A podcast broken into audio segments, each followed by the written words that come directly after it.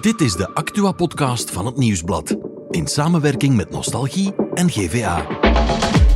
Het is vandaag dinsdag 2 mei 2023 en er is een stakingsverbod voor de Leiza-personeel.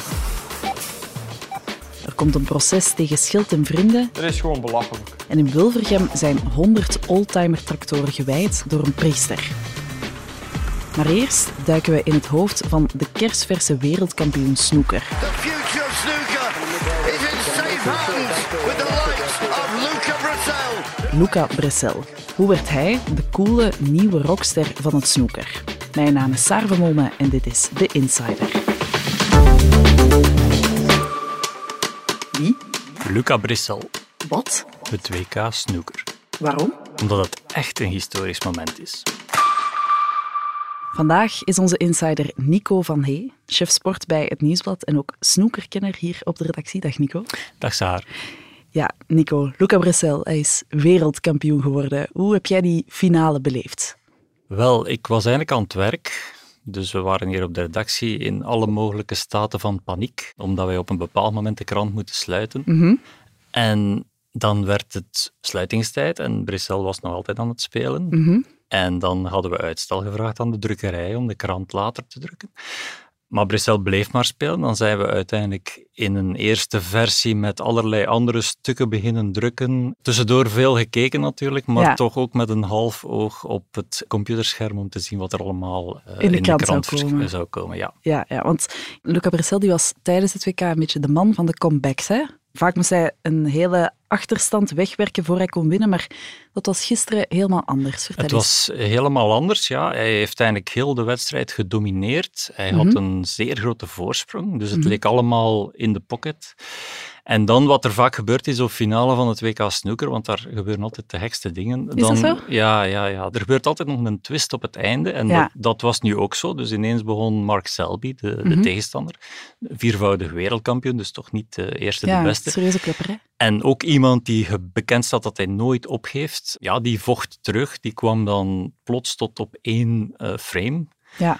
En dan zag je dat, eh, ja, ik was naar de BBC aan het kijken, daar waren ze echt al bezig van, ja, oké, ja, sorry Luca, goed geprobeerd, maar dit is het moment van Selby. Ah, oké. Ze hadden de hoop ja, al opgegeven. ze hadden hem echt al begraven. En eh, wel met spijt in het hart, hè, want ze Ja. waren wel allemaal aan het supporteren voor hem. Mhm. Maar dan eh, haalt hij op een of andere manier toch die mentale sterkte weer boven om Mhm. dan dat klein foutje dat Selby maakt af te straffen en toch nog eh, die titel te pakken. It doesn't matter about the yellow. He's made his time. Of applause for Mark Selby. And this crowd going absolutely mad. Standing ovation. What a performance through. And as I said after his semi-final, the future snooker is in safe hands with the likes of Luca Bracel, who is the Kazoo World Snooker Champion 2023. Voor een leek als ik lijkt het wel alsof hij volledig uit het niets komt, die Luca Bressel. Nog nooit iets gewonnen op een WK en dan nu opeens wereldkampioen worden. Is dat zo? Komt dat uit het niets? Of? Nee, hij komt helemaal niet uit het niets. Ehm, hij is eigenlijk al 15 jaar het grote toptalent Oké. in snooker. Echt al toen hij heel klein was, Mhm. werd hij onmiddellijk getipt als een toekomstige wereldkampioen. Mm. Dus het komt niet uit het niets, maar het is wel, door het feit dat zijn carrière dan zo lang geslabakt heeft, komt het Ah, nu ja. wel onverwacht. Want hij had nog nooit een wedstrijd gewonnen op het WK, dus hij wordt al 15 jaar beschouwd als het allergrootste talent, Mhm. maar hij had nog nooit een match gewonnen op het WK. Ja. En nu plots is het er allemaal in één keer uitgekomen. Ja, want je zegt het al van jongs af aan gezien als een toptalent. Hoe, hoe is dat eigenlijk allemaal begonnen voor hem? Wel, het, het verhaal is dat hij ooit in Rimini op vakantie, toen hij negen jaar was, had hij een snoekertafel of een pooltafel zien Mhm. staan en had hij aan zijn vader gevraagd van ja, ik wil dat wel eens proberen.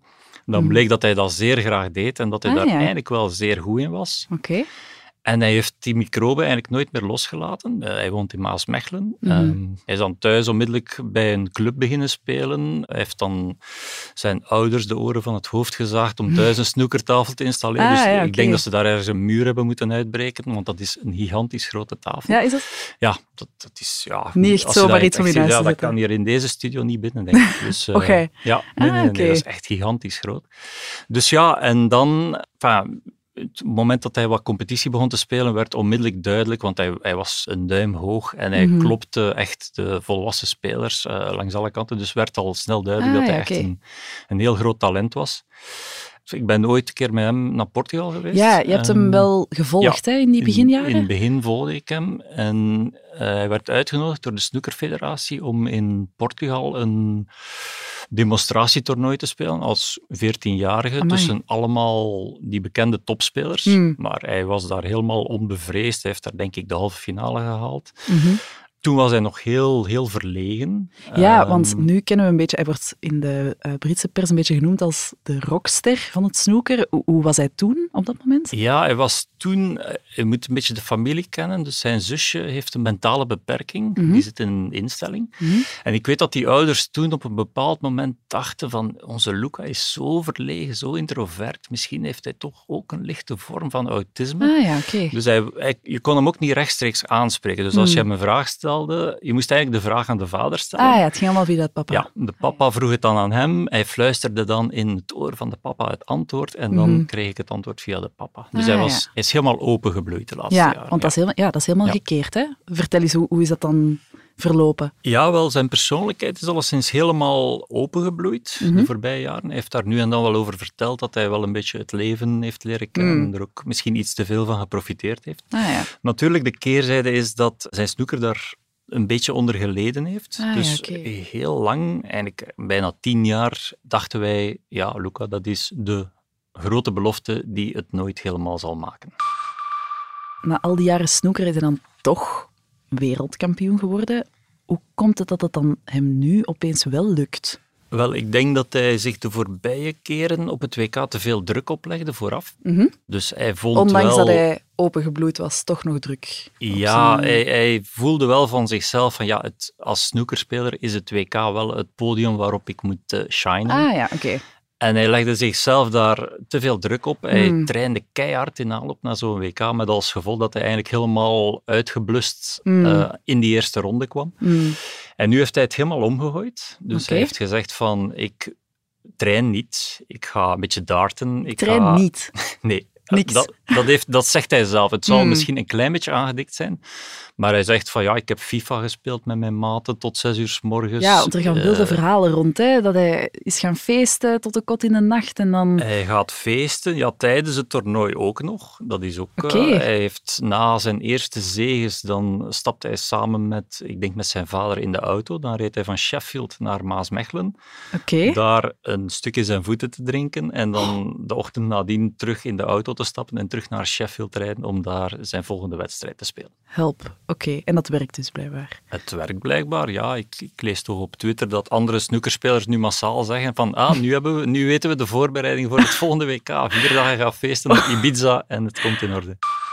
Hij heeft een beetje de reputatie van een rockster. hè. We hebben het daar net al eh, even over gehad. Ik heb bijvoorbeeld op zijn hand Free Bird zien staan. Is het een beetje een, een vrije ziel, die Luca Bressel? Het is alleszins een, een, een speciale, intrigerende kerel die ook Mm. eh, een heel ander publiek aanspreekt dan het normale snookerpubliek dat toch een beetje grijs en saai Ja, ja, is. ja, dat is toch hetgeen wat ik me daarbij Ja, voorstel. hij, hij heeft, het is niet alleen die Free Bird op zijn knokkels, maar hij heeft ook eh, vogels, tijgers, haaien, spinnen, rozen, Mm. vrouwen op zijn lijf getatoeëerd. Ah, ja, hij staat soms met Louboutins te spelen.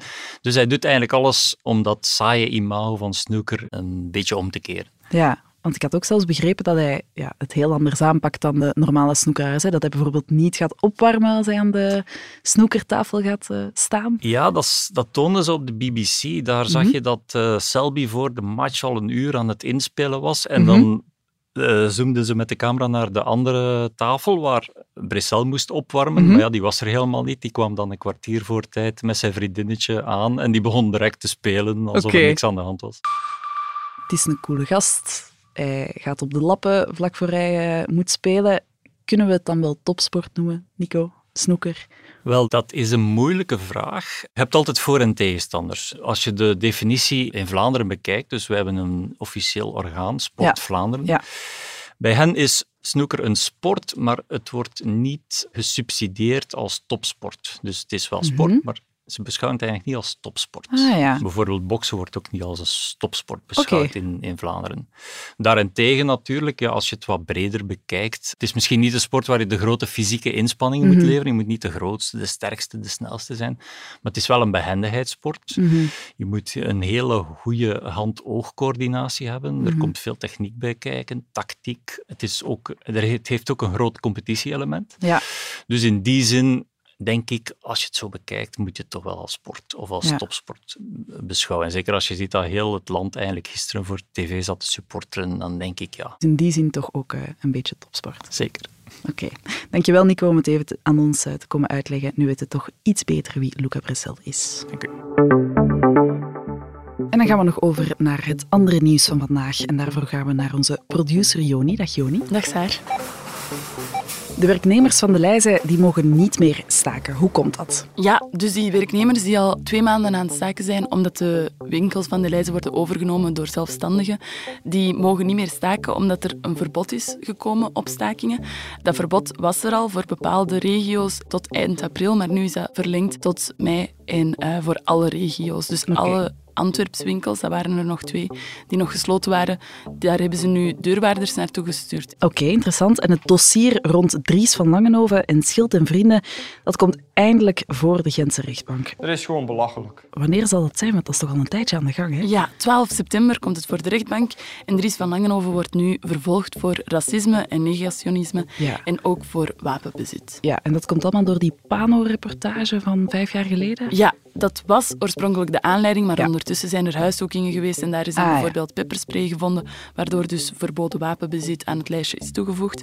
Het was een hele lange procedure, want er was blijkbaar een schijn van partijdigheid, administratieve fouten enzovoort. Maar Ja. uiteindelijk is er nu beslist, 12 september komt het voor de rechtbank. Eindelijk. En dan eh, om af te sluiten, dan gaan we nog even naar de regio. Deze keer trekken we naar Wilvergem bij Heuvelland. Ik moet heel eerlijk toegeven dat ik het niet ken, Nee, Wilvergem. ik ook niet. Maar gisteren zijn daar 95 tractoren gewijd. Dus door een 95? priester.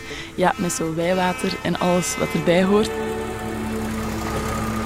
Het hoge aantal komt blijkbaar doordat er een nieuwe datum is. Vroeger werd die wijding in de herfst gehouden. Mhm. Nu in de lente en dat betere weer brengt blijkbaar meer tractoren naar Kan ik me voorstellen. En onze collega van Nostalgie, Celine Bruindonks, die belde met een van de organisatoren, Angèle de Klerk. En brengt dat dan geluk, zo'n gewijde tractor? Of? Ja, normaal is het wel eh, ja, iemand die wel een beetje gelooft. Is dat, is dat normaal? Is dat de bedoeling dat het geluk brengt en dat er eh, de persoon die ermee rijdt en het voertuig dat ze niet tegenkomen? Ja. Oké, En bij ons in de wagen is er ook zo'n kaartje van in de zomer. En elk jaar opnieuw wordt onze auto gewijd. En eh, zo hebben wij het gevoel dat wij toch wel een beetje beschermd worden. Daarna hebben ze dus een rondrit gedaan met al die tractoren van meer dan 30 kilometer met als hoogtepunt de beklimming van de Kemmelberg. Ik kan alleen maar denken, och met die automobilisten die er allemaal eh, met hun autootjes Ja. rondrijden in Nederland. Maar dankjewel Joni, Eh, morgen zijn we terug met een nieuwe Insider.